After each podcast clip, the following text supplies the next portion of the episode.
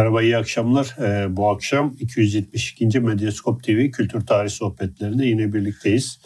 Bugün İstanbul Medeniyet Üniversitesi öğretim üyesi Doktor Mert Sunar'la birlikteyiz. Hocam öncelikle hoş geldiniz. Hoş bulduk. Teşekkür ederiz yayınımıza katıldığınız için. Ben teşekkür ederim davetiniz için. Çok sağ olun. Ee, kendisinin e, ortak editörlüğünde yayınlanmış olan kitap yayın evinden çıkmış olan şu kitap üzerine bir yayın yapmak istiyoruz. Payitahtın Yeniçerileri. Ee, bu kitabın alt başlığı Padişahın Asi Kulları 1700-1826 e, tarih aralığı olarak. E, diğer editörler Aysel Yıldız ve e, Yannis Spiropoulos e, ve e, hocamız Doktor Mert Sunar, e, üç ortak editörün e, bir ortaya çıkarmış olduğu bir derleme kitap bu ve e, bir makaleler toplamı. İç, yayın ilerleyen kısmında makalelere ve içeriğine de e, en azından başlıklar olarak değineceğiz.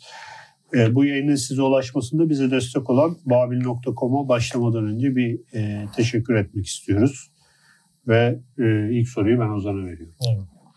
Hocam bu ilk e, bir projenin ürünü e, bildiğim kadarıyla. Evet. Bu proje bir nedir ne değildir Tabii, Yeniçeriler üzerine? E, Girit'te Akdeniz Araştırmaları Enstitüsü'nde yapılan hani onun başkanlığında yapılan bir proje. Yannis Sipropoulos koordinatörü. Bu Avrupa Araştırma Konseyi projesi. Yaklaşık bir 3 yıldır bu projede çalışıyoruz. Biz İstanbul ayağını yapıyoruz. Katip Çelebi ayağı var İzmir'de. Katip Çelebi Üniversitesi İzmir ayağını yapıyor. Yine hani Arap vilayetleri konusunda yardım aldığımız isimler var. Yani ortak bir proje. Tabii bu projenin önemi biraz şöyle. Biz genelde yeni şehirlere çalışırken ya İstanbul merkezli olarak ya da bulundukları bölgelerde Arap vilayetleri, Balkanlar vesaire olarak çalışıyorduk. Bu projeyle birlikte biraz hani bu Yannis Spropoulos'un şeyi bakış açısı ve bize kattığı bir şey oldu.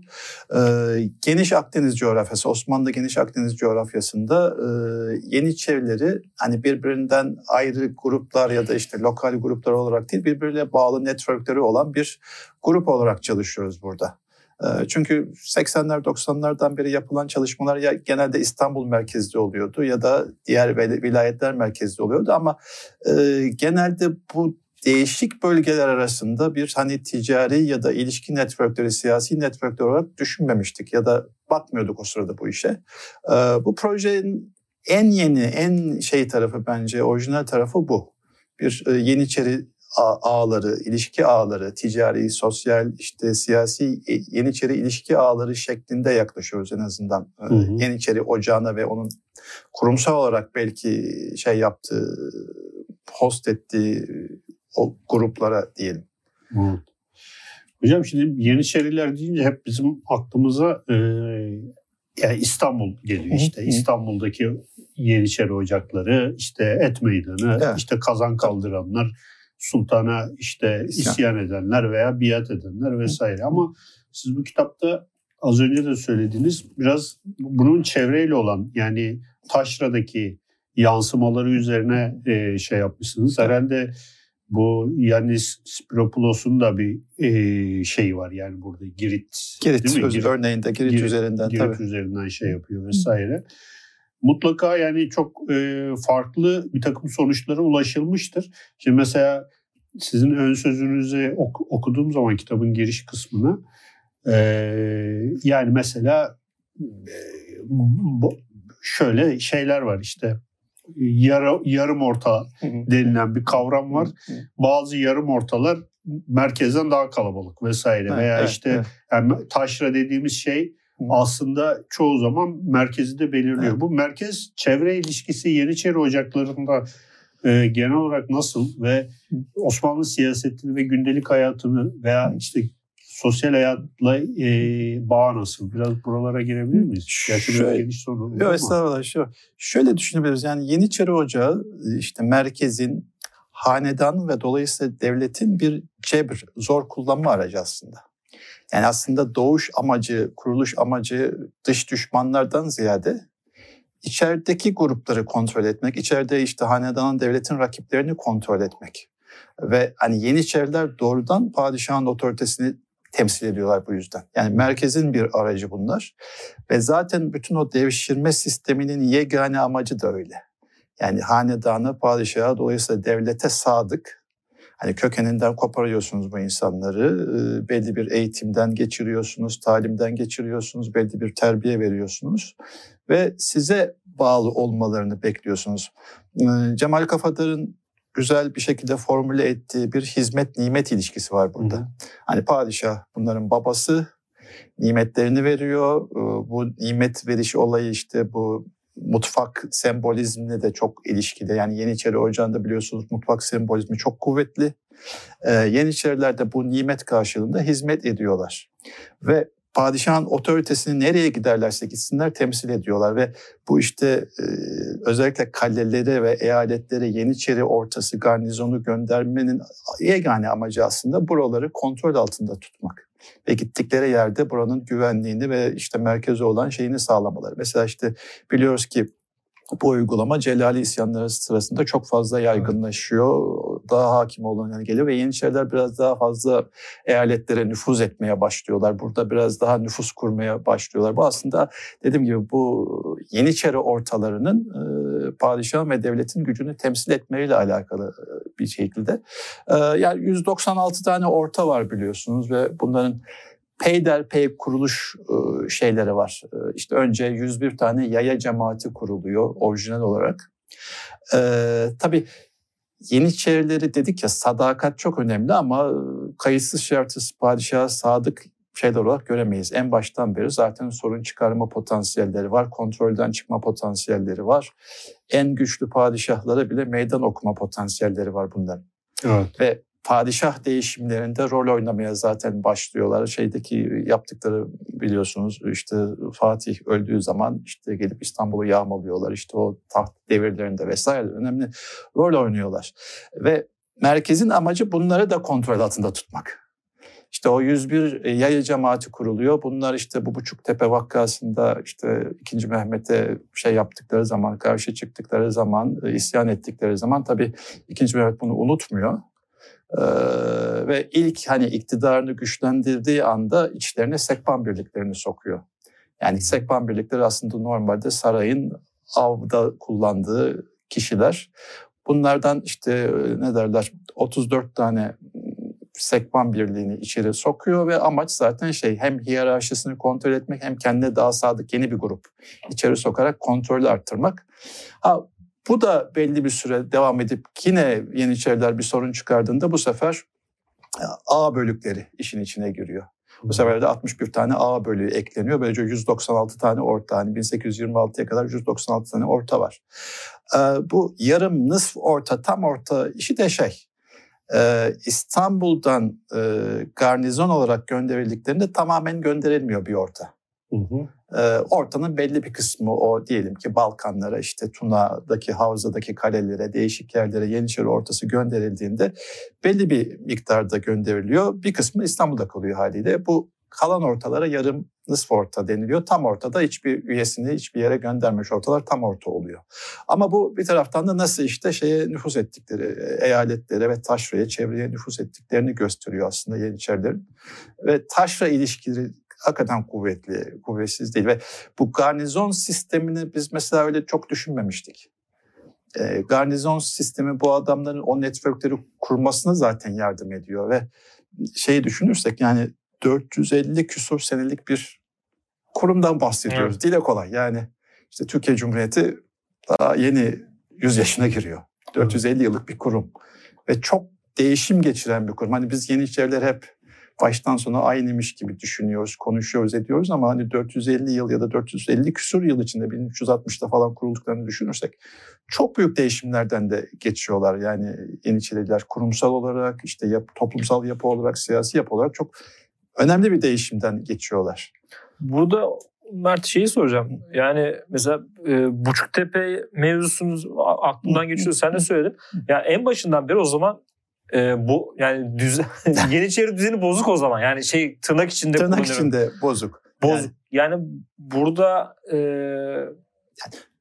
şeyin e, nedir nasıl söyleyeyim e, en başından beri kendileri padişaha da karşı çıkabiliyor. Tabii, yani en tabii. kuvvetli olduğu zaman hani şeyde normal söylem içinde diyoruz ya işte Evet. o, e, şeyden sonra Kanuni Sultan Süleyman işte 16. yüzyıldan sonra bir- bozuldu filan. Hı, hı, Ama hı. başından beri bu düzen tabii tabii hani biz şeymiş yani bo- bozukmuş. idealize ediyoruz Evet. önceki dönemi ya altın çağ olarak idealize ediyoruz. Altın çağda çok sadık işte savaşların kazanılmasında en önemli rolü oynayan falan bir grup olarak söylüyoruz ama en başından beri şey kayıtsız şartsız bir sadakat yok sonuçta. Ee, tabii şunu da düşünebiliriz ama e, şeye kayıtsız e, şartsız bir hanedanı da sadakat yok. Yani ileriki tarihlerde göreceğiz ki bazen işte mesela tehdit etmek istediklerinde Yeniçeriler işte Kırım Hanı'nı getirmekle tehdit ediyorlar ya da başkalarını o hanedanı değiştirmekle bile bazen blöf yapıp tehdit edebiliyorlar ama en başından itibaren o yüzden de bazen işte doğrudur yanlıştır bu Roma'daki Praetorian Hı. muhafızlara benzetiliyorlar aslında baktığımızda. Adamlar çünkü şey hani padişahların belirlenmesinde rol oynuyorlar.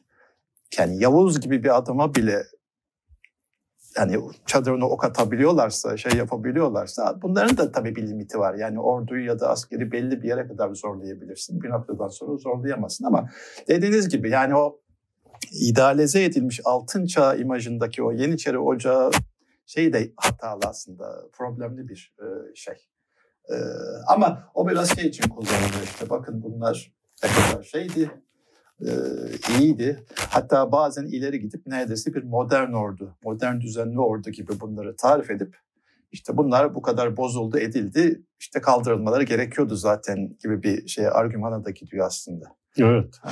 Orada bir özcü bir yaklaşımdan zaten bahsediyorsunuz. Ona da ayrıca geliriz ama ben mesela bu konuyla ilgili Doktor Hikmet Kıvılcımlı'nın e, tarih tezinin aslında bir anlamda doğrulandığını düşünüyorum. E, çünkü yani sonuçta Osmanlı'da bugünkü modern anlamda sınıflar yok tabii ki ama sınıfları temsil eden bir takım mekanizmalar ortaya ortaya çıkmış. Yeniçeriler esnaflaşmış. Onlar işte artık şehrin bir e, sermaye veya işte bir sosyal sınıfı olarak kendilerini var etmişler vesaire. Bunlar benim görüşlerim ayrı. Bunları çok e, şey yapmak istemiyorum.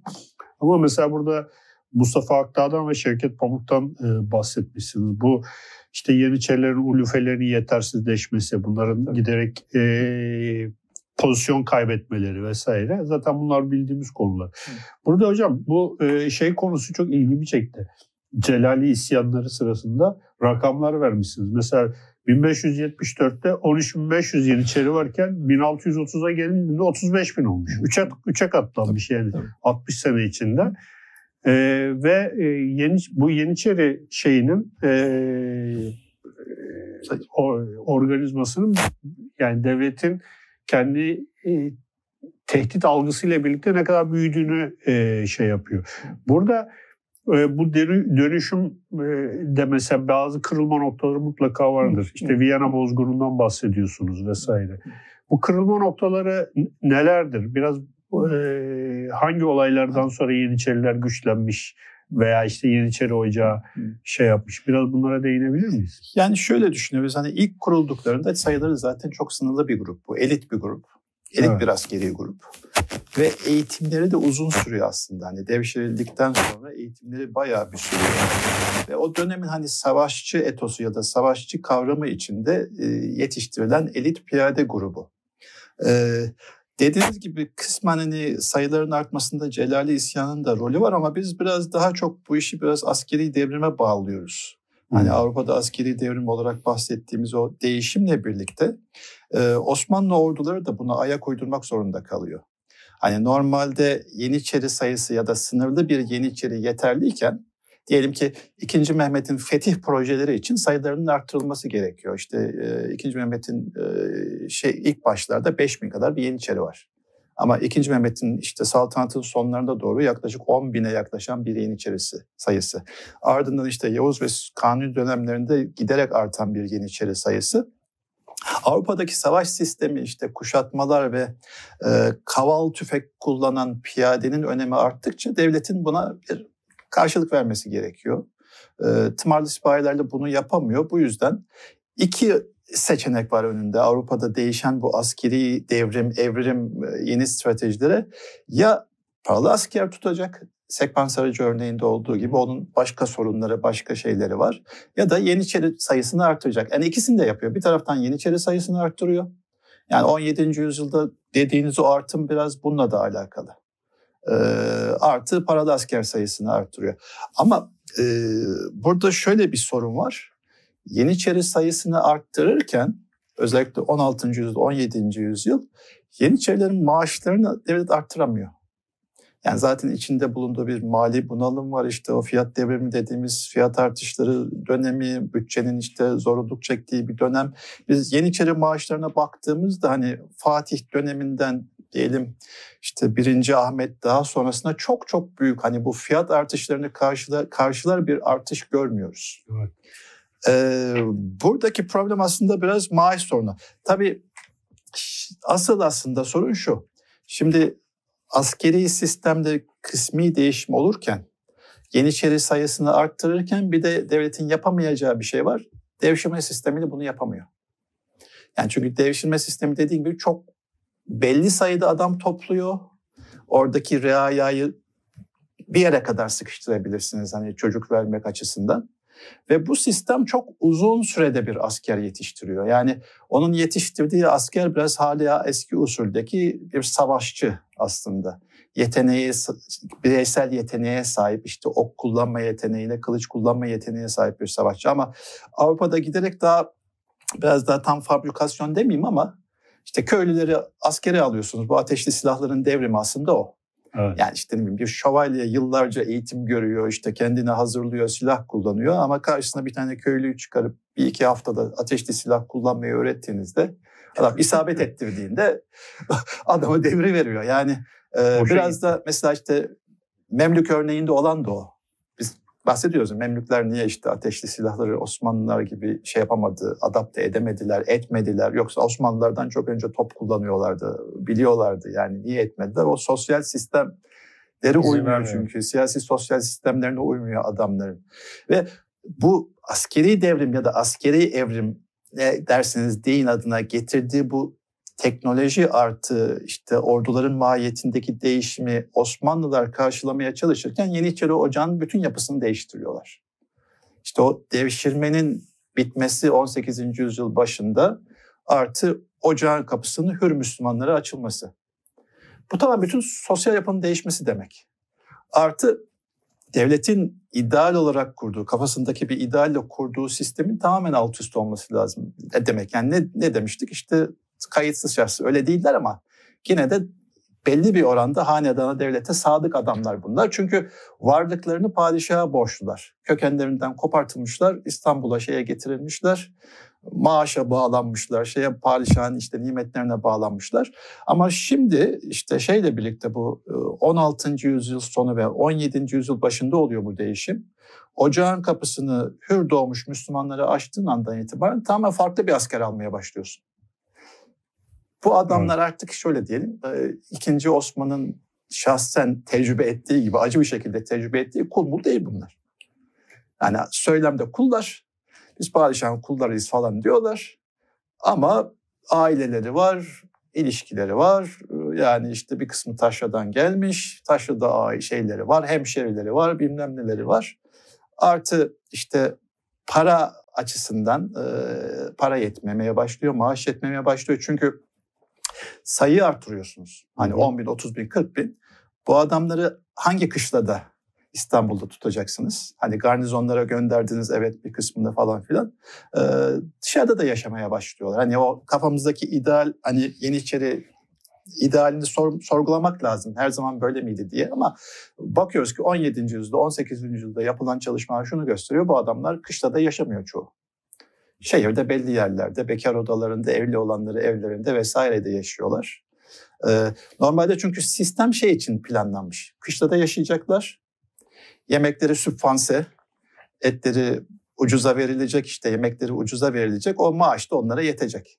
Ama artık adam dışarıda yaşıyor, kira vermek durumunda, aile bakmak Enflasyon durumunda. Var. Enflasyon var. Ee, maaş hiçbir şey. Bu sefer devlet ne yapıyor? Buna bizzat devlet yapıyor bunu. Yani sonradan e, yapmamış gibi davranacak devlet de e, başka işler tutmalarına izin veriyor. Benim memurum işini bir şey ya. Hayır bir de işte taşiş hikayeleri başlıyor tabii, vesaire. Tabii. Ama Şevket Hoca ile biz bunları epey bir konuştuk. Ama nihayetinde şeyde. şeye geliyor. Yani yayın, göz yayın. göz yumuyor ama şey diyor yani aslında. Benim memurum işini bilir Rin şeyi evet. e, tabii tabii siz kökeni yani. şey yapın Benim başka gelir şeyleri bulun yani demek istiyor. Ama işte sonradan bu tabii büyük bir sorun haline getirilecek ve hani devlet tabii hiç bunu yapmamış gibi davranmayacak. Yani 19. yüzyılın başında ya da 18. yüzyılında bu modernizasyon ya da reformlar başlayınca bu esnaflık olayı, ikinci iş olayı büyük bir sorun haline gelecek. Çünkü bu adamlar şeye uymuyorlar o dönemin ordu nosyonuna uymuyorlar. Düzenli talimli ordu nosyonuna uymayacaklar. Yani bir nevi ben biraz şey olarak adlandırıyorum onu ne kadar doğrudur değildir. Hani profesyonel bir köle ordusu bu. Hı hı. O değişimle birlikte milis gücü haline geliyor. Evet. Adamlar işleri güçleri var. Şehirli şey gibi yani köylü köyden devşirilen askerler oluyor ya. Mesela evet, evet. 16. yüzyılda hı e, Leventler gibi mesela. O kendi çıkıyor işte. Ayaklanıyor. Sonra ayaklan elemanı ordu şey devlet kendi safına çekip e, bir, bana savaş diyor ama bunlar normalde şey değil e, eğitimli ordu değil. Bir de şeyi soracaktım aslında bunlar e, buradaki hani hukuki şeyini bunlar normal devşirme olarak alındığı zaman normal şey köle olarak. Köle tabii. Ama bu hür olduğu zaman aradaki şeyi nasıl hallediyor? Yani o arada bir e, sorun çıkıyor mu? Ya da var mı? Ee, Çünkü ama bunlar yine, hür Müslüman yani. Tabii statü olarak ama hani Yeniçeri olduktan sonra artık o şeye giriyor. Bir imtiyaz kazanıyor zaten. Hı hı. Bir askeri sınıf üyesi oluyor zaten. Zaten çoğu kişi niye Yeniçeri oluyor? Bence bu imtiyaz için oluyor. Yoksa maaş Hani tamam maaş önemsiz değil. Maaş belli bir gelir sağlıyor, belli bir güvence sağlıyor. Önemli bir şey o dönemde ama asıl hani Yeniçeriliği oluşturan şey bu askeri imtiyaz. Hani evet. kendi ocağı dışında, askeri otoriter dışında kimse yargılayamıyor bu adamları. Yani bir nevi aslında reala, reayalıktan şeye geçiş. Belli bir sınıf atlıyorlar ama o da belli bir dönem içinde erozyona uğrayıp çok bir manası olmayacak artık. 19. yüzyılda, 18. yüzyılda yine manası var, manasız değil. Ama artık çoğu şeyini kaybetmiş. İmtiyazını, özelliğini kaybetmiş ama insanlar hala yani alt diyelim daha mütevazi alt tabakalardan gelen insan için Yeniçeri ocağına girip Yeniçeri olmak bir güvence. Evet. Ve biz biliyoruz ki taşradan bir sürü insan geliyor, İstanbul'a göç ediyor, büyük şehirlere göç ediyor.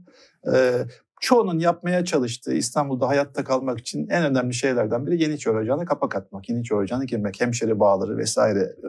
Çok görüyoruz yani bunları.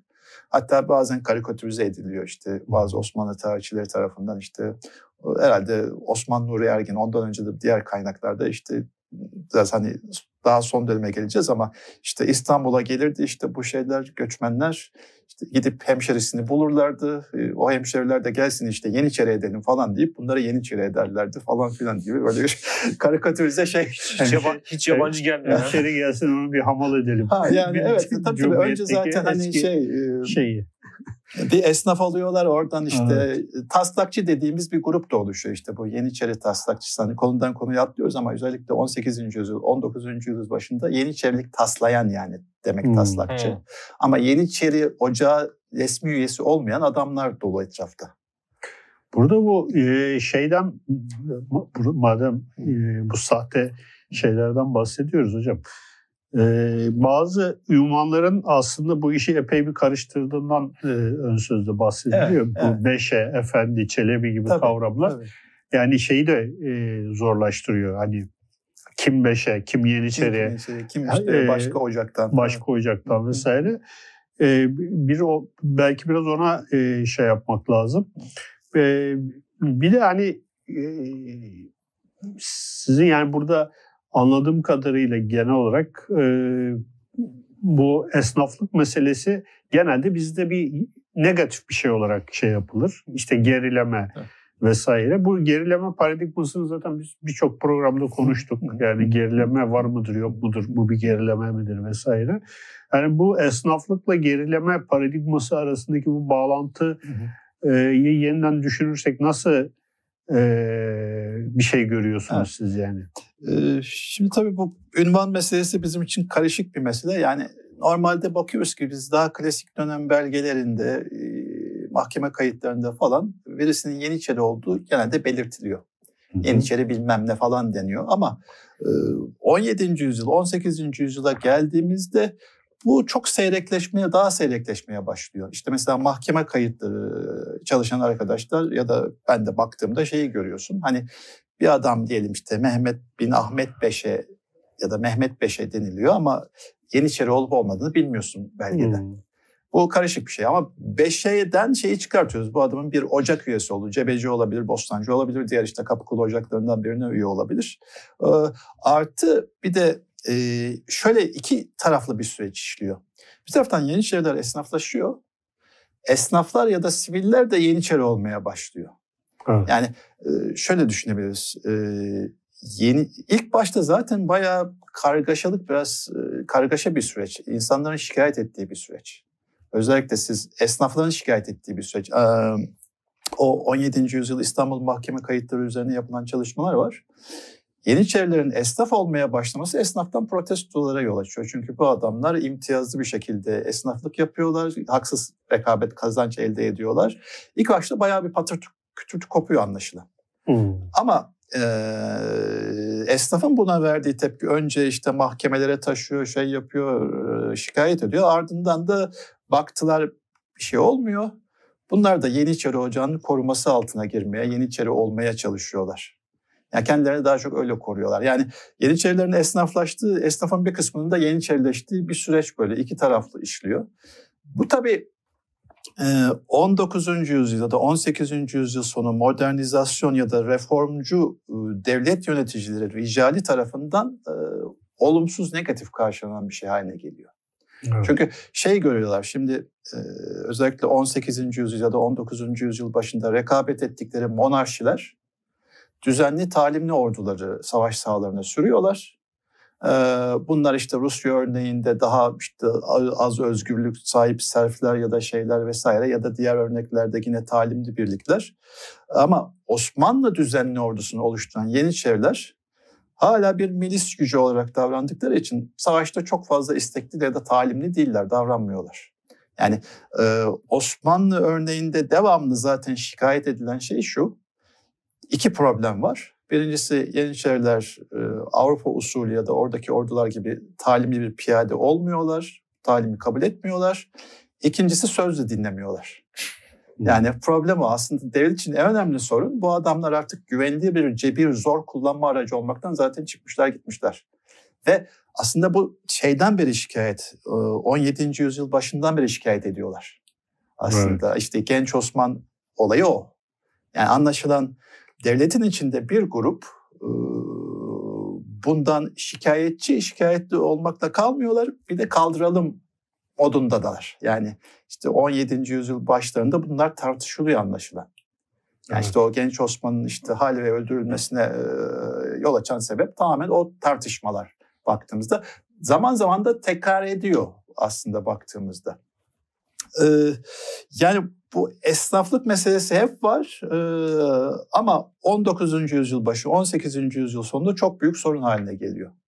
İşte ocağın bozulmasının, tırnak içinde bozulmasının, işte dejenere olmasının temel sebebi. Ee, ve işte şeye baktığımızda mesela çeşitli devlet belgelerinde şeyin farkındalar. Nasıl bir ordu istediklerini zaten tarif ediyor Osmanlı ricali bize. Hani Rusya örneğine bakıyorlar, Fransa örneğine bakıyorlar, değişik örneklere bakıyorlar. Diyorlar ki işte bize öyle bir asker lazım ki artık bu herifler gibi esnaf mesnaf bakkal çakkal olmasın. İşte e, git dediğimizde gitsin, dur dediğimizde dursun. Bir yerde beş yıl kışla dediğimizde kışlasın. Bu direkt Koca Yusuf Paşa'nın tabiri. Yani bizim emrimize muti olsun, bize itaat etsin. Bu Yeniçeriler gibi her emri sorgulamasın ya da işine geldiğinde savaşmayız demesin e, vesaire aslında. Temel problem o. Hani talim meselesi işte e, ilerilik gerilik meselesi hani bir yana ana şey artık güvenilir bir zor kullanma unsuru değil bu adamlar. Ama bir türlü de şeye yapamıyorlar yani orduyu yeni orduyu ıskartaya çıkartamıyor. Yani Çıkart... yeni, yeniçerileri ıskartaya çıkartamıyorlar. Çünkü sürekli bir şey var yani bir güçlü bir sosyal grup bu. Güçlü bir siyasi sosyal grup çünkü bir taraftan Yeniçeriler. Yani bütün o reform e, çabaları, denemeleri niye başarısız oluyor? Popüler karşı çıkış. Yani işte e, belki sona çok yaklaşmam belki ama şeyde işte Kabakçı isyanı, hı hı. işte Alemdar Vakkası. İki kere proje başarısız oluyor çünkü halklar, şeyler, gruplar sokağa dökülüyor insanlar. Yani devletin projesine karşı çıkan bir sosyal grup var, bir tabaka var orada. İşte esnafla yakın ilişkileri var. Ricalin bir kısmıyla bu adamların yakın ilişkileri var. Ve hani o modernizasyonu ya da reformu amaçlayan rical, tırnak içinde aydınlanmış rical karşısında bu grupları buluyor. Ve e, bu gruplar aslında e, o yüzden negatif, olumsuz bir şekilde görülüyor. Bu aslında sonra şeye de tevarüs edecek. Modern dönemlere tevarüs edecek. İşte bizim o modernizasyon teorilerine eklemlenecek, işte batılılaşma teorilerine eklemlenecek. E, diyecekler ki bu herifler işte e, ulema ile birlikte bir gerici grup oluşturuyordu. Bütün reformlara, batılılaşmaya, modernleşmeye karşı çıkıyorlardı. İşte ve hani sağdan soldan aynı fikirde çoğu kişi. İşte Bernard Lewis bir tarafta gayet işte e, muhafazakar bir tip aynı şeyi söylüyor. Öteki taraftan Niyazi Berkes hani soldan bir tip çıkıp aynı şeyi söylüyor. Evet. Hatta hani bu yüzden e, danışman hocalarımdan biri Rıfat Ebu Helhaç'la bayağı bir şey olmuştuk. E, tartışma yaşamıştık. Yani dedi, bana şey demişti. Bernard Lewis de Niyazi Berkes'i aynı kefeye koyuyorsun diye belki haklı olarak isyan etmişti. Ben ama ısrar etmiştim. Yani çünkü hani Niyazi Berkes şeyin farkında. Hani ekonomik rollerinin, sosyoekonomik ilişkilerinin ama yine parazit olarak tanımlıyor. O da çünkü tepeden inmeci, elitist bir modernleşmeci aslında baktığınız evet. zaman. Bernard Lewis benzer şekilde ve bu biraz işte bu modernizasyon teorisi batılılaşma şeyleriyle falan alakalı. Negatif Yeniçeri bu olumsuz Yeniçeri imajının devam etmesi. Artı devlet merkezci bakış açısı bizimkilerin. Bir de şeyi de söylemek gerekir herhalde. Senin makalede özellikle onu gördüm. Biz hep Yeniçerileri hani bir Yeniçeri'yi bir yekpare bir kütle olarak düşünüyoruz ama kendi içlerinde de e, tabii. Bu işte en son işte 101 cemaatten 196 cemaate geçiyor. Bunların da kendi içlerinde e, bir mücadele var ve bağlı oldukları da yani devlet içinde de yani nihayetinde bu adamlar işte şey bir yanıyla da şeyden geliyor. E, Ocak'ta Acemi Oca, Ocem, yani bu tabii 450 senelik kısımda hepsinde geçerli olmuyor ama bir, bir kısmında da devlet devlette bağlantıları oluyor. E, evet. Aynı ocak şeyden çıkmış oluyorlar. Ocaktan e, Acemi oğlanlar ocağında eğitim görmüş oluyorlar ve kendi içlerinde de şey var. Rekabetleri var. Rekabetleri var. Yani tabii kendi işlerinde belli bir rekabet var. Yani şöyle biz hani e, biraz şey olarak düşünüyoruz. Hani Osmanlı ordusu yekpare bir bütün. Hani organik uyumlu bir şey e, ne derler vücut. Halbuki bir şeyler arasında rekabet var. Farklı ocaklar arasında rekabet var. İşte cebeciler, yeniçeriler, yeniçeriler, topçular, top arabacılar bilmem ne hani birbirleri arasında Hı. rekabet var. Kendi işlerinde keza farklı ortalar arasında rekabetler var. Ve anlaşılan mesela İstanbul'da özellikle ticari merkezlerde, önemli gelir üretilen ticari merkezlerde bu adamların belli menfaatleri, şeyleri var, nüfus bölgeleri var. Ee, yani zaman içinde hani esnaflaşıyorlar vesaire. Bir kısmı şey yani şunu belki söyleyebiliriz. Yeniçeri Ocağı çok geniş bir yelpazede insanı barındırıyor.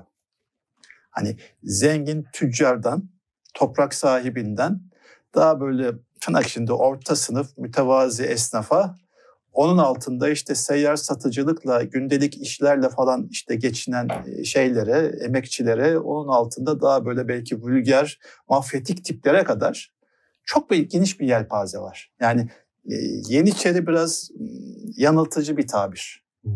Nasıl işte biz belli isyanlara Yeniçeri isyanı deyip geçip geçiyorsak o da çok yanıltıcı bir şey. Çünkü yani şimdi Yeniçeri isyanı deyince biraz böyle askeri yönünü öne çıkarıyoruz ama orada bir sürü farklı gruplar var. Hani bunlar sosyal isyanlar mı yoksa askeri isyanlar mı? Orada da bir tartışma var. Ama dediğimiz gibi Yeniçeri Ocağı kurumsal bir altyapı oluşturuyor. Bütün bu insanları içeriyor. Bütün toplumu kesen bir şey var. Kesen yani. bir şey var. Hakikaten bir öyle. gibi. E, yapısı var. Hani Yeniçeri yoldaşlığı kuvvetli bir şey. E, ocak gayretkeşliği denen bir şey var. Hmm. Devletin şikayet ettiği. devletin şikayeti şu bu herifler hani devletten, hanedandan çok kendi ocaklarına bağlılar. Yani mesela şey var çok enteresan bu e, Alemdar vakasında bu De, devlete tehlike. Tabii Tahsin Öz'ün e, yayınladığı ilk 1940'larda bir belge var. Padişahın musahiplerinden biri sokakta dolaşıyor isyan sırasında. İsyancılara rast geliyor. İsyancılar bağırıyorlar, çağırıyorlar işte ikinci Mahmut'u istemeyiz falan diyorlar. Bu işte laf atıyor işte ikinci Mahmut olmasa ne yapacaksınız hani padişahın hanedanın tek erkek üyesi kalmış adam. Hı hı. Şeyi öldürmüş. Mustafa'yı öldürmüş. Tek erkek üye Mahmut o sırada. İşte diyorlar ki diyor şey e, isyancılar dedi ki diyor musahip e, ne olacak diyorlar işte padişah da bir Adem değil mi bizim gibi işte getirip işte Esma Sultan'ı 4. Mustafa'nın kız kardeşini tahta koyalım. Olmadı Kırım Hanı'nı getirelim ya da işte Konya'dan Mevla, Mevlevi Şeyh'ini getirelim. E, Allah ocağımızı zeval vermesin falan diyorlar. Tabii bu da küfür basıyor o belgede hani bunlara. Yani asıl şey ocak Yeniçeri Ocağı. Ama kendi işlerinde de dediğimiz gibi arada şey yapmaktan çekinmiyorlar. Kavga etmekten, çatışmaktan falan işte o makalede bahsettiğim sokak çatışmaları yapmaktan e, belli ticari bölgelerde günlerce süren, birkaç gün süren barikatların kurulduğu, ateşli silahların kullanıldığı çatışmalar yapıyorlar. Baya böyle şeyli nedir ölümlü ondan sonra barikatlı aslında şey müdahale o, olamadığı. Biraz bakınca o ortaya çıktı çok fazla ölümlü de değil aslında. Evet. Biraz şey gibi gövde gösterisi. Makalenizde hani, o var. Hatta şey yapıyor işte devlet yetkileri de ona vurgu yapıyor bir noktadan sonra. Bunların yaptığı bir kayıkçı kavgasından ibaret. hani ta, hala kullandığımızda tabir. Yani işte e, madem işte çok büyük sorunları var ortalar arasında ok meydanına çıksınlar muharebe etsinler falan diyorlar. Ama onu yapmıyorlar. Yani şey gibi nüfus korumak. O biraz işte o makalede ona değindim. Akdeniz coğrafyasında bu işte erkeklerin kendi onurlarını koruma işte kavga etme kültürü aslında çoğu zaman hani cinayetle sonuçlanıyor bazen ama çoğu zaman da aralara birileri giriyor, ayrılıyor. Hani öyle bir gösteriş kavgası aslında çok fazla gerçekten zarar verme kavgası olmuyor. Bu da öyle. Hani bakıyorsunuz kaç kişi öldü hani koca koca ortalar birbirine girdi. Yüzlerce kişiden bahsediyorlar. İki kişi yaralandı, üç kişi öldü, birkaç kişi öldü falan. Yani aslında gerçekten demek ki şey yapmıyorlar o kadar. Çok da Bir muharebe falan yani. yapmıyorlar aslında. Evet. Burada İstanbul ve Şam örneğini vermişsiniz evet. makalede. O çok ilginç. Hocam şimdi bu e, bir takım rakamlar var. 1826'ya gelindiği zaman esame sayısı 107 bin. Evet erkek nüfus 213 bin. Şimdi hani yani şimdi e, biz buna inanacak olursak e, nüfusun yarısı zaten Yeniçeri. Evet. E, ve ikinci Mahmut yani bunların yarısını kesse zaten yani burada bu e, gerçi hani e, bu çok tartışmalı da bir konu bu esame Esam, alı, satışı alışı işte adam ölüyor mesela işte varisleri maaşını almak için onun yerine devam ediyor vesaire. Bu e, Yeniçeri sayısı konusunda ya bu ocaklar kaldırıldığı zaman böyle net e, bir, bir bilgiye sahip değiliz herhalde değil mi? Ee, yani şöyle Selim devrinde bir ayrım yapmaya başlıyorlar. Selim devrinde şöyle bir e, maaş icmallerinde ayrım var. İşte aktif Yeniçeri sayısıyla emekli Yeniçeri sayısı. Hmm. Bunların çoğu emekli maaşı. Yani aktif Yeniçeri sayısı 10 binden fazla değil. Evet. Eşkinci tabir ettikleri Yeniçerilerin sayısı 10 bini geçmiyor. Yani bunlar sefere giden, e, sefer eşmekten geliyor eşkinci. Eski hı hı. bir tabir. Ee, yani 9-10 bin aktif Yeniçeri var yok etrafta. Geri kalan 90-80 bin şey ya dal kılıç esamesi ya emekli mütekayit esamesi. Yani e, o dal kılıç şey aslında Yeniçeri Ocağı'nın hani tabir ve terminoloji çok geniş bir terminoloji yani kültürü vesairesi. Dal kılıç şey tehlikeli görevler için hani e, gönüllü olan Yeniçerilere verilen ekstra bir maaş. Hı hı. E, yani adam diyelim ki bir kaleye saldırma, tehlikeli bir eski sistemde yani klasik sistemde bir kaleye ya da tehlikeli bir göreve şey yapıp hani dal kılıç demek kılıcını çekip kelle hı hı. koltukta saldırıyor bir yere.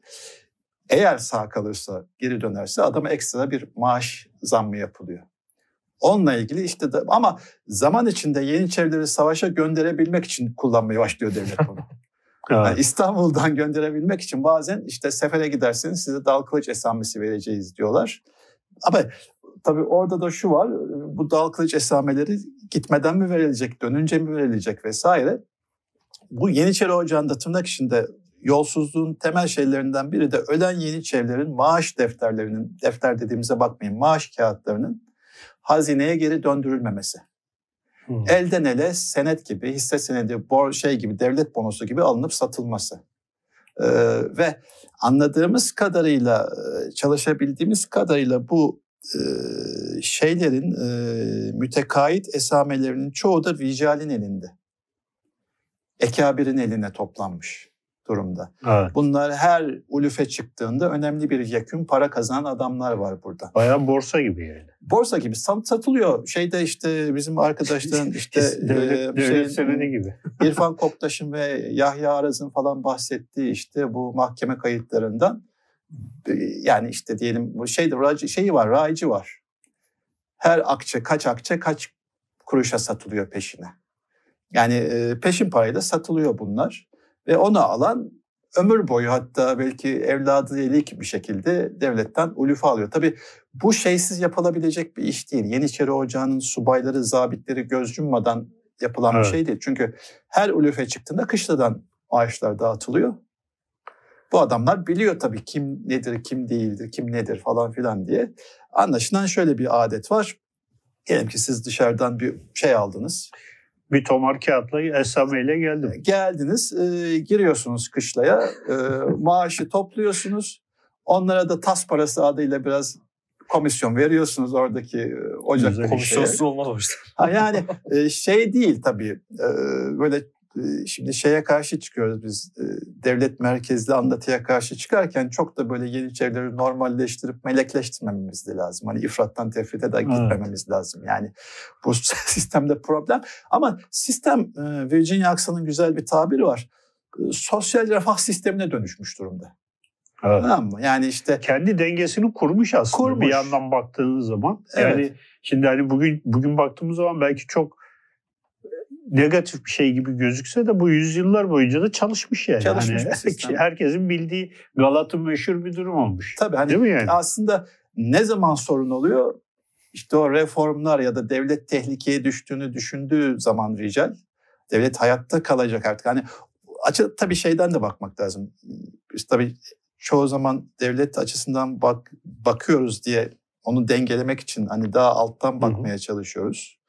İşte mesela ben şey yaparken, doktora tezini yazarken öyle bakmaya çalıştım biraz. Hani o sırada işte mağduniyet çalışmaları falan onlarla falan filan da ilgilendim. Ee, ama işin dengesini kurmak açısından devlet tarafından da bakmamız lazım. Devlet ne düşünüyor? Devlet nasıl görüyor? Ee, yukarıda da şey görülüyor. Eğer işte böyle giderse bu askeri başarısızlıklarla uluslararası arenada da biz hayatta kalamayacağız. Yani Rusya geliyor çünkü tepeden. Devamlı yeniyor, mağlup ediyor. Bizim şeye ihtiyacımız var hayatta kalmak için düzenli bir orduya ihtiyacımız var. Evet. Yani bu Yeniçeriler bu düzenli orduyu sağlamıyor. E, artı istediğimiz gibi bir ordu değil. Onlar da o taraftan düşünüyorlar ve o yeni orduyu oradan kurmaya çalışıyorlar. E, tabii işin içine daha böyle e, sonraki dönemde siyasi tartışmalar işte ilericilik, gericilik bilmem ne falan filan da girince hani biraz daha şey. E, tabii nereden baktığınıza bağlı. Evet. Hani bu tabandan baktığınız zaman bu adamlar haklı haksız değil. Adam ne bileyim işte geliyor İstanbul'a hayatta kalmaya çalışıyor. An- Anadolu'dan şuradan buradan geçimini sağlayamış İstanbul'a gelmiş.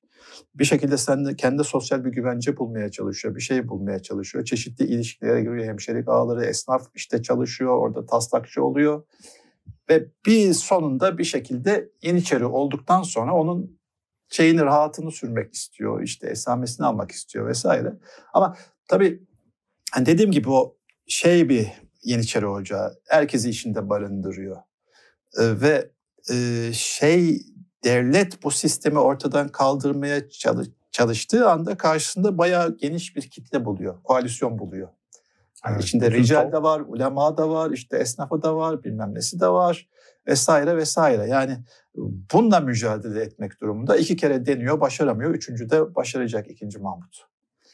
Bu sistemi anladıktan sonra, çözdükten sonra altını oyuyor çünkü ve işte işte ne bileyim işte 1826'da mesela şey öncesi şey sözü verecek Mahmut.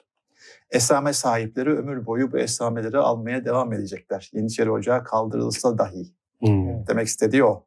Tabii sonra sözünü tutmuyor ayrı mesele. yani hesabı tabii, tabii, yani sallandırıyor. Yani şey yapıyor. Zaten o korku ortamında, tehdiş ortamında Esami'yi götürme cesaretine sahip olanları da şey yapıyorlar. ee, sana bunun yarısını verelim, üçte birini verelim, işte vermeyelim falan deyip şey yapıyorlar. Ya paranı çok, çok, çoğu kişi de şey yapamıyor, cesaret edemiyor zaten ve e, şunu düşünelim. Bu maaşlar, emekli maaşları 5 yıl geriden geliyor. Bir de o sorun var. Devlet maaşları zamanında ödemediği için 5 yıl önceki maaşı alıyor adamlar. Evet. Ve Yeniçeri Ocağı'nı kaldırarak devlet çok büyük bir iç borçtan da kurtuluyor. Ama yani onun sadece bir kısmını şey yapıyor. Kasa, kasa her zaman kazanır. tabii tabii. Onun, onun çok az bir kısmını onore ediyor. Ee, ama büyük bir iç borçtan kurtuluyor Yeniçeri Ocağı'nı kaldırarak. Bir de öyle düşünebiliriz yani. Evet. Mesela evet. bunu hiç düşünmemiştim. İktisadi her, her, her, şey, her, şey, her şeyin bir sınıfsal yanı var. Hocam bu mesela şeyden bahsettim, bahsediyorsunuz. Ya mesela Taşra'da adam toprak ağası gene Yeniçeri. Yani Yeniçeri dediğimiz şey yani sadece böyle dükkan sahibi, esnaf vesaire değil. falan filan değil. Bu mesela çok ilginç bir şey yani. Yani taş hani İstanbul'da bunu pek göremeyiz tabii de. Tabii tabii İstanbul'da çok Taşra'da herhalde bayağı böyle bir... Ee, yani tabii şu anda e, çok da güvenilir ya da yeterince elimizde veri olmadığı için biraz böyle el yordamıyla tek tek örnekler üzerinden falan Hı-hı. gidiyoruz ama işte toprak sahibi de var, önemli oranın ileri gelenlerinden adamlar da var. İşte normal köylü olan adam da var ama yani Taşra'nın çeşitli yerlerine nüfuz etmiş e, görüyoruz. Her Arap vilayetinde benzer bir sistem var. Balkanlarda benzer sistemler görüyoruz. Girit'te, adalarda, çeşitli yerlerde, İzmir'de. Ve belki şeyi söylemek lazım. Bu adamlar birbirinden de habersiz falan da değiller. Hani İzmir'deki Yeniçeriler Girit'teki Yeniçerileri biliyor. Hı hı. İşte oradaki adamlar işte belki garp ocaklarıyla bir bağlantısı var. Onun orayla bir bağlantısı var. Yani işte bu biraz önce bahsettiğim garnizon sisteminin sağladığı bir şey de var belki bu kurulan ağlar üzerinde. Adamlar hani nöbette şey yerleri de değişiyor bunların. Farklı yerlere gidiyorlar, ediyorlar, orada görev yapıyorlar. Büyük ihtimalle o görevleri şey için de kullanıyorlar. İlişki ağları kurmak için falan kullanıyorlar. Hı hı. Ee, yani daha önce buna o kadar da dikkat etmiyorduk biz. Mesela hani işe biraz daha böyle bazen askeri tarih açısından falan bakıyorduk. İşte diyelim ki e, işte Baba e, Pehlivan İbrahim Paşa'nın işte tarihi var yazdırdığı bir adam paralı asker, delil askerinin yazdırdığı. O mesela kendi yazdırdığı tarihte şey diyor. Yeniçerileri küçümsemek için delil askeri olduğu için onlar arasında da rekabet var. Bu Yeniçerileri işte şeyden merkezden payitahttan gönderdiler kaleye Rus Savaşı sırasında. Geldiler hemen tezgahlarını açtılar. Mal alıp satmaya başladılar. Bunlar ne biçim asker diyor. Çerçi yani e, orada biraz şey olarak düşünmüştüm ilk okuduğumda. Hani adam delil askeri aşağılıyor şey yapıyor ama diğer açıdan düşündüğünüzde demek ki adamlar bunu bir fırsat olarak, ticaret fırsatı olarak görüyor herifler. Evet. Yani e, aynı şekilde belki garnizona gittiklerinde de benzer şey yapıyorlar. Onu bir ticari ilişki kurma. İşte şeyde bizim Yandis'in orada yazdığı makalede İstanbul'daki Yeniçerilerle Girit'teki Yeniçeriler nasıl birbirlerine mektup gönderiyorlar. Aile bağları var, ticari bağlar var. İşte en basitinden adam İstanbul'a e, tamir edilmek, biletilmek için bıçak göndermiş böyle şey çuval, çuval bıçak gönderiyor. Ya da işte oradan işte Girit'ten şey adamlar İstanbul'a istiyorlar. Balık istiyorlar. Kurtulmuş balık vesaire. Hani öyle şey ilişkiler var. Ticari, Ticari ilişkiler de var aralarında. Çok yakın ilişkiler var. Hani biz şey zannediyoruz. Hani eski dönemde erken modern dönemde mobilitenin çok fazla olmadığını düşünüyoruz ama hakikaten mobili bu insanlar. Hani İstanbul'daki bir Yeniçeri Sıla-i Rahim için memleketine gidebiliyor. Evet. Ve oradaki işte kendi diyelim bu adam belli bir yerde çalışıyor işte hammallık yapıyor, kürekçilik yapıyor. Onun ketüdası onun adına o maaşı, maaşını toplayıp şeye gönderiyor bazen. Taşraya gönderebiliyor, şey yapıyor. Onun adına toplayabiliyor falan. İlişkiler çok şey. Yani baktığımızda çetrefilli aslında. Biri şu şeyde e, girişteki bir şey var. E, grafik var. Hı. Burada işte şey sayısını e, 16 özellikle 1650'den sonra Taşra'daki e, Yeniçeri sayısıyla İstanbul'daki Yeniçeri sayısının şeyini veriyor, oranını veriyor evet. ve 1650 öncesinden sonra Taşra'daki artmaya başlıyor. Ha. Yanlış okumuyordum değil mi? Evet. evet. dışarı daha fazla, taşlıya daha fazla gönderiyorlar. Bu e, bunun değişik etkileri oluyor mu? Çünkü bu adamlar bir de şey adamlar yani asker olmasından kaynaklı olarak imtiyazlılar yani evet. seyahat etmeleri daha rahat. Tabii. E, yani işte ilişki kurmaları daha rahat. Hem şey olarak e, yeni fikirler geliyor mu bunlar üzerinden çünkü bir, bir tarafta da şeyde de nedir merkezde de şeyleri var yine bağlantıları var. Ticareti nasıl etkiliyorlar esnaflaşma bağlamında? Biraz aslında o konunun daha başlarında gibiyiz o işi anlamanın yani nasıl olduğunu ettiğini. Ee, ama o taşladaki varlıkları hakikaten e, o network ve ilişki ağları üzerinde etkili olduğunu düşünüyoruz. Ee, hani fikir bazında çok çalışmadık açıkçası. Hani fikir olarak birbirlerini nasıl etkiliyorlar, ediyorlar vesaire. Ee, daha çok işin biraz şu anda hani daha böyle izini sürebildiğimiz hani para ve ticaret şeyini izliyoruz hani Hı-hı. baktığımızda. Ama hani tabii ki de bence şeyleri var adamların hani farklı ilişkileri var. Mesela şey aklıma geldi hani Yeniçerilik kaldırıldıktan sonra 2. Mahmut döneminde çeşitli Yeniçeri komploları ortaya çıkarılıyor. Hmm, üstü zafer falan yazıyor. Üstü zafer işte falan yazıyor bir kısmını bir kısmını diğer şeyler yazıyor. Diğer kaynaklarda var, kaynamelerde var. Ee, işte mesela bir şeyde bir tane şey topçu neferi yakalıyorlar. Adam İstanbul'daki Yeniçerilerden efendim Balkanlardaki Yeniçerilere bir mektup götürüyor. Ya da işte bir e, iletişim şeyi götürüyor. İşte onlar işte İstanbul'daki Yeniçeriler efendim şey yapıyorlarmış. Balkanlarda durum ne? Vakayı Hayriye sonrası işte bir şey isyan ihtimali var mı ikinci Mahmut'a karşı falan filan. Yani e, tabii bu komplonun ne kadar şeyi var, e, aslı astarı var. Biraz belki Mahmut'un paranoyasından da ileri geliyor olabilir ama demek ki e, bir mektup gönderilmiş. İstanbul'daki Yeniçerilerden Balkan'daki Balkanlardaki hala Yeniçerilere idam edilmemiş ya da sürülmemiş, şey yapılmamış. Ee, bu arada şey bazen abartıyor yabancı tarihçiler ve bazen bizimkiler hani Vakayı Hayriye'de öldürülen idam edilen Yeniçeri sayısı o kadar çok değil.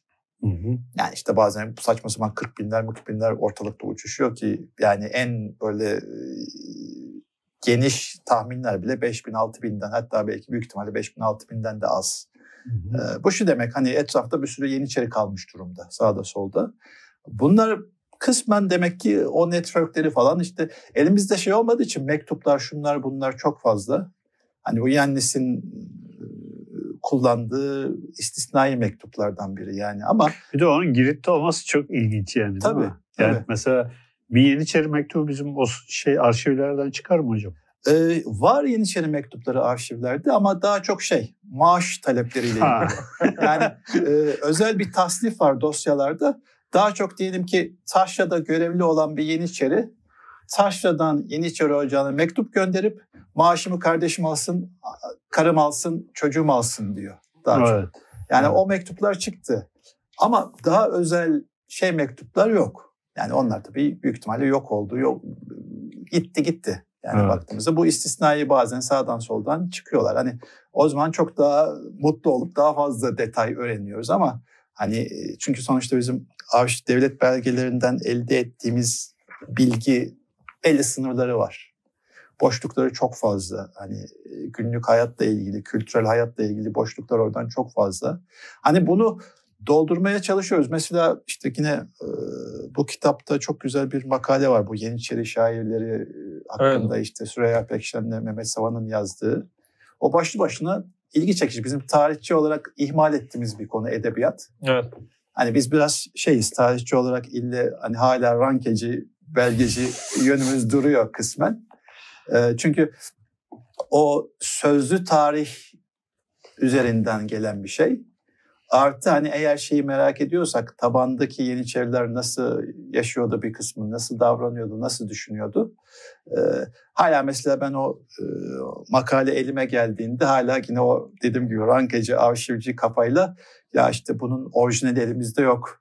İşte gerçekten orijinal olup olmadığını nasıl bulacağız, edeceğiz falan modundayım ama içeriğine baktığımızda hani edebiyatçılar daha iyi anlıyor o işi. Ee, aslında hani sözlü tarihten gelmiş bir zaman 20. yüzyılın başında büyük ihtimalle not edilmiş Hani çünkü e, mevcut yazma şey büyük ihtimalle 20. yüzyılda e, birisinin yazdığı bir deftere not ettiği bir şeyler. Ama işte o sözlü tarih elimizde daha fazla olaydı. Onun kaynakları, şeyleri, meyleri daha fazla bulaydık. Bu insanların yaşamına, kültürüne daha fazla belki nüfus edecektik. Daha fazla anlayacaktık şeylerini. Ee, hani yine belli bir şey elimizde var kısmen işte. Mesela Reşat Ekrem Koçu o konuda iyi bir isim, kuvvetli bir isim. Hani sadece popüler tarihçi değil aynı zamanda hani o belge ya da kaynak kullanma özellikleri de var. Tabii dikkatli kullanılmak durumunda Reşat Ekrem Koçu ama mesela edebiyat kullanarak, edebiyatı kullanarak, bunları kullanarak daha şey yapabilmek mümkün. Dedim yani test sırasında işte mağduniyet okulu şu bu okuyorduk işte işte mağdunlar konuşabilir mi efendim elitlerin belgeleri üzerinden ancak konuşur konuşur falan diye bakıyordum. Yanlış şeylere bakıyormuşum zaten doktora sırasında. Hani devlet belgelerinden ya da şeylerden onu çıkarmaya çalışıyordum. Halbuki bakmam gereken başka başka şeyler, başka kaynaklar aslında. Ee, hani yıllar sonra şimdi hani onun biraz daha farkındayız ama o sırada işte bir taraftan o soruyu sorup bir taraftan yanlış kaynaklara bakıp duruyorduk aslında belki. Baya baya da hacimli bir makale. Tabii tabii. Yani şey, bence Yeniçeri şair evreni çok aslında çok da evet. çok çok ilginç. Ee, onun dışında bu kayıkçılar evet. makalesi de çok güzel. Evet. İstanbul'un kayıkhaneleri, evet, Yeniçeriler ve kayık. özellikle evet. o esnaf konusunda yani e, şeyi biliyoruz. Hammallar, evet. kayıkçılar, bütün o hizmet taşıma sektörü bu adamların elinde. inşaat sektörü bu adamların elinde neredeyse. Tamamen demeyelim ama e, ve mesela iki, enteresan bir ayrıntı var. İkinci Mahmut 1826'da Vakkayı Hayriye'de Yeniçeri Ocağı'nı kaldırıp e, İstanbul'da işi olmadığını düşündüğü bütün göçmenleri möçmenleri sürünce İstanbul'dan İstanbul'da şey krizi Hizmet çıkıyor. sektörü. Hizmet sektörü aksıyor. Kayıkçı bulamıyor millet. Hammal bulamamaya başlıyor. Ya bu hep söyleyince bugün de sürekli bir şey oluyor. sürekli bir yani, güncelliyormuş bu, bu, gibi. sürekli bir dejavu durumu. evet yani o e, şey sistemi önemli hakikaten. Yani kim yapacak bu şehrin, koca şehrin işlerini? Bu adamlar yapıyor, geliyorlar, evet, ediyorlar. Evet. Hani e, ama Yeniçeri Ocağı'nın kaldırılması yani biraz çok da idealize, romantize etmesek de mesela benim e, danışman hocam e, e, toprağı bol olsun Donald Quattert özellikle bu Yeniçerilerin işte sendikal diyelim tırnak içinde rollerine biraz e, vurgu yapıyordu. Yeniçerilerin hani bu emek piyasasını, emekçileri koruması, kollaması biraz fazla romantize, idealize ediyordu kısmen ama haklılık payı da var. Yani Tabii. işte diyelim ki bilmem ne iskelesindeki hammalların ketüdası Yeniçeri ise o hammallar bilmem kaçıncı ortayla alakaları varsa pazarlık güçleri artıyor otomatikman. Ve çeşitli şeylere rastlıyoruz biz. Esnafla bu Yeniçeri hammalları arasında taşıma ücreti kavgası. İşte eskiden az istiyorlardı şimdi çok istiyorlar falan. Hani oradaki işte belki Yeniçeri ocağıyla alakalı üst seviye ketüda şey yapıyor. Bu adamların her birinden komisyon alıyor. Belli bir para topluyor ama bir taraftan da belki bir koruma, bir şemsiye de sağlıyor onlara baktığımız hmm. zaman.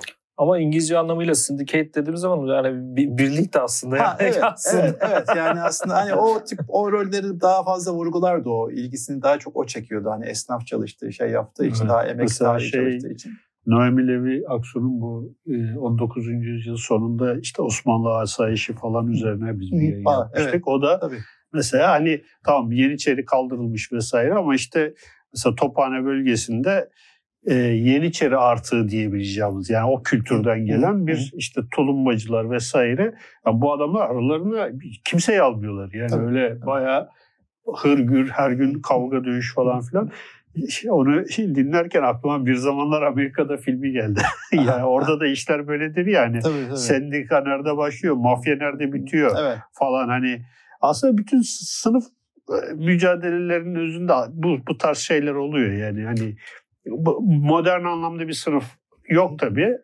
Modern öncesi toplumda insanlar e, çıkarlarını, işte sosyal sınıf çıkarlarını farklı mekanizmalarla hani e, şey yapmaya çalışıyorlar. Bu açıdan e, Yeniçerilikte böyle bir sendikasyon arasında bir bağ, bir bağ kurabiliriz. Yani, yani işte bazen işte diyelim ki hani bu adamların hani seslerini şeyden duyuyoruz.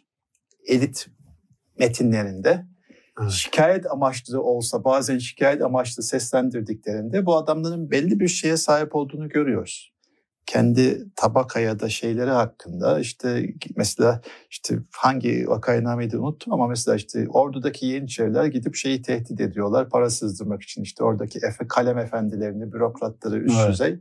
İşte efendi baba işte bize biraz para ver işte falan işte falan işte. Ya da bazen işte şey yaptıklarına daha fazla hak para falan talep ettiklerinde şey diyebiliyorlar. Hani siz İstanbul'da sıcak yatağınızda karılarınıza yatarken işte biz burada meşakkat çekiyoruz çamurda, yağmurda, karda savaşıyoruz, işte kan döküyoruz.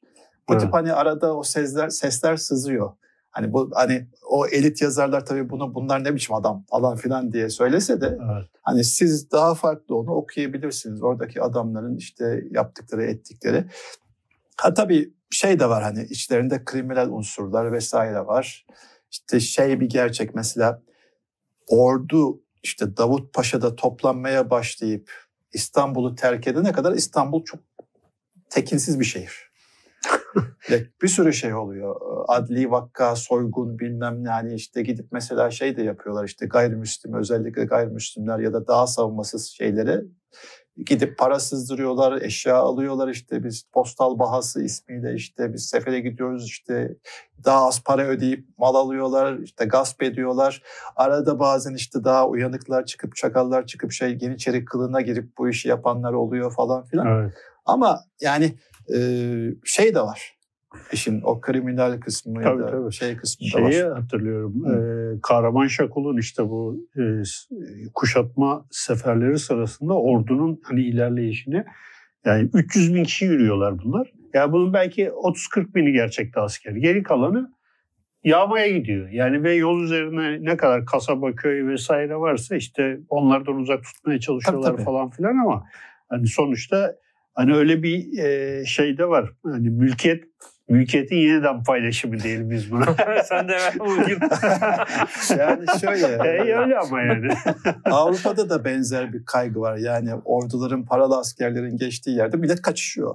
Tabii aynı şey orada yani da var. Herkes yani. Orada çok alıp dağlara şuralara var. Millet hani şey Yani yapıyor. şey yok. Üzüm al, üzüm alınca alt, şey astılar kese kese astılar. yani şöyle e, şeye bağlı o şartlara bağlı.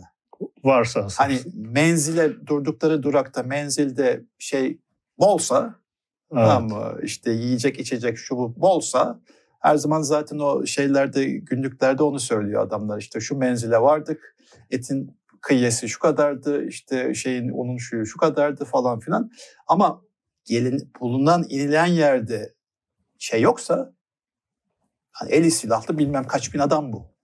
Ne yapacak? Gidip etraftan zorla alacak onu. Evet. Yani onu tutmanın ya da cezalandırma falanla da olmuyor. Evet. Cezalandıramıyorsun zaten adamı. Evet. Yani o yüzden eğer hani o menzil sistemi, depo sistemi çalışmadığı yerlerde zaten hani zaten düşman toprağına girdiği zaman ya da işte bazen şey bile takmıyorlar. Eflak boğdan toprağında bile yapıyorlar. Yani o işleri şey de var. Hani Yeniçerilerin bu tarafı da var ya da işte bazen bir şehre inip yol üstünde gidip esnafa zorla ortak olma, işte balta asmak denilen bir adetleri var biliyorsunuz. İstanbul'da da onu çok yapıyorlar. İşte gidip Edirne'de kahvehane sivil adam Yeniçeri değil baltasını asıp ona ortak oluyor gidene kadar falan filan yani işte. Dükkan, dükkan oturuyor. yani evet aynı. Çök, hani, malına çöküyorlar.